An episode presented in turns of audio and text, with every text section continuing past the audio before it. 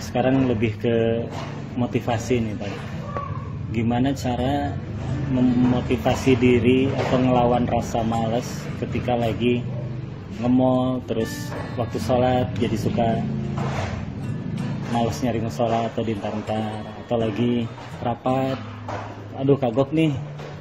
Jadi nuna-nuna sholat. Ini gimana cara memotivasi dirinya Almaru ala dini khalilih seseorang itu kata Nabi tergantung atau sangat dipengaruhi oleh siapa yang jadi temannya jadi kalau temennya orang yang seneng sholat duha jalan ke mana aja waktunya duha eh berhenti dulu gue pengen sholat duha gitu.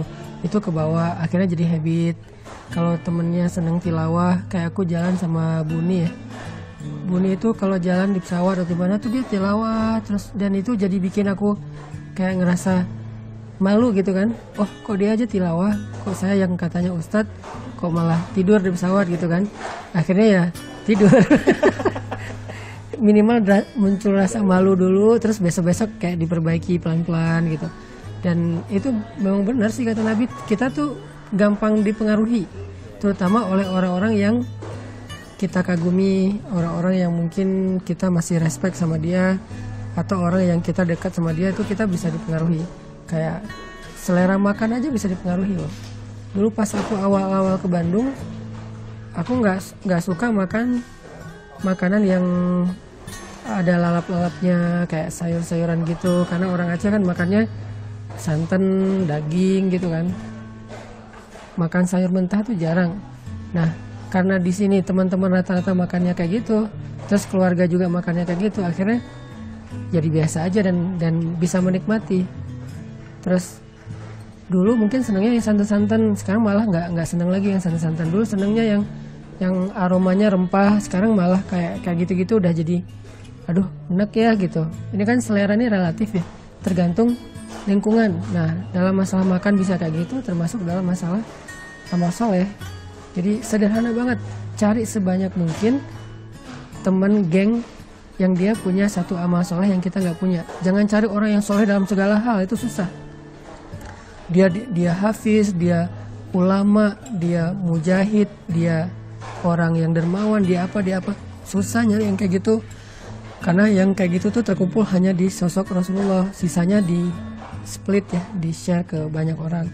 Ya mungkin ada yang ahli tahajud di antara kita teman-teman geng kita ada yang orangnya santun itu aja yang kelebihan dia. Dia mungkin bukan ahli ibadah walaupun nggak bikin dosa tapi dia orangnya santun gitu dia bukan ahli ibadah tapi dia orangnya care orangnya gampang tersentuh. Dia bukan ahli ibadah tapi dia pola hidupnya sehat.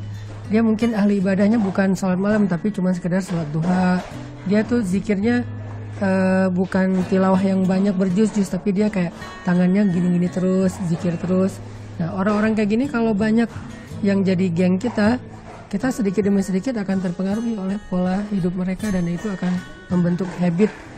Kalau udah jadi habit kan yang nggak jadi paksaan lagi ya. Dan dan nggak perlu diniatin serius-serius amat. Ah gua mau sholat duha. Nggak perlu. Udah habit aja.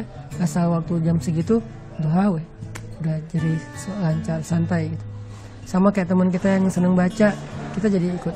Yang seneng nonton apa kita jadi ke bawah ya kayak aku berteman sama Enong dulu kan aku nggak kenal skateboard tapi karena Enong seneng main skate akhirnya aku jadi bukan terpaksa main skate jadi ikut seneng gitu kayak oh seru juga ya gitu. Ntar kalau aku kenal sama siapa lagi kayak gitu senang nongkrong ya nongkrong. Jadi almaru ala dini khalilih itu benar banget Nabi nggak mungkin salah seseorang itu dipengaruhi oleh siapa yang jadi temannya.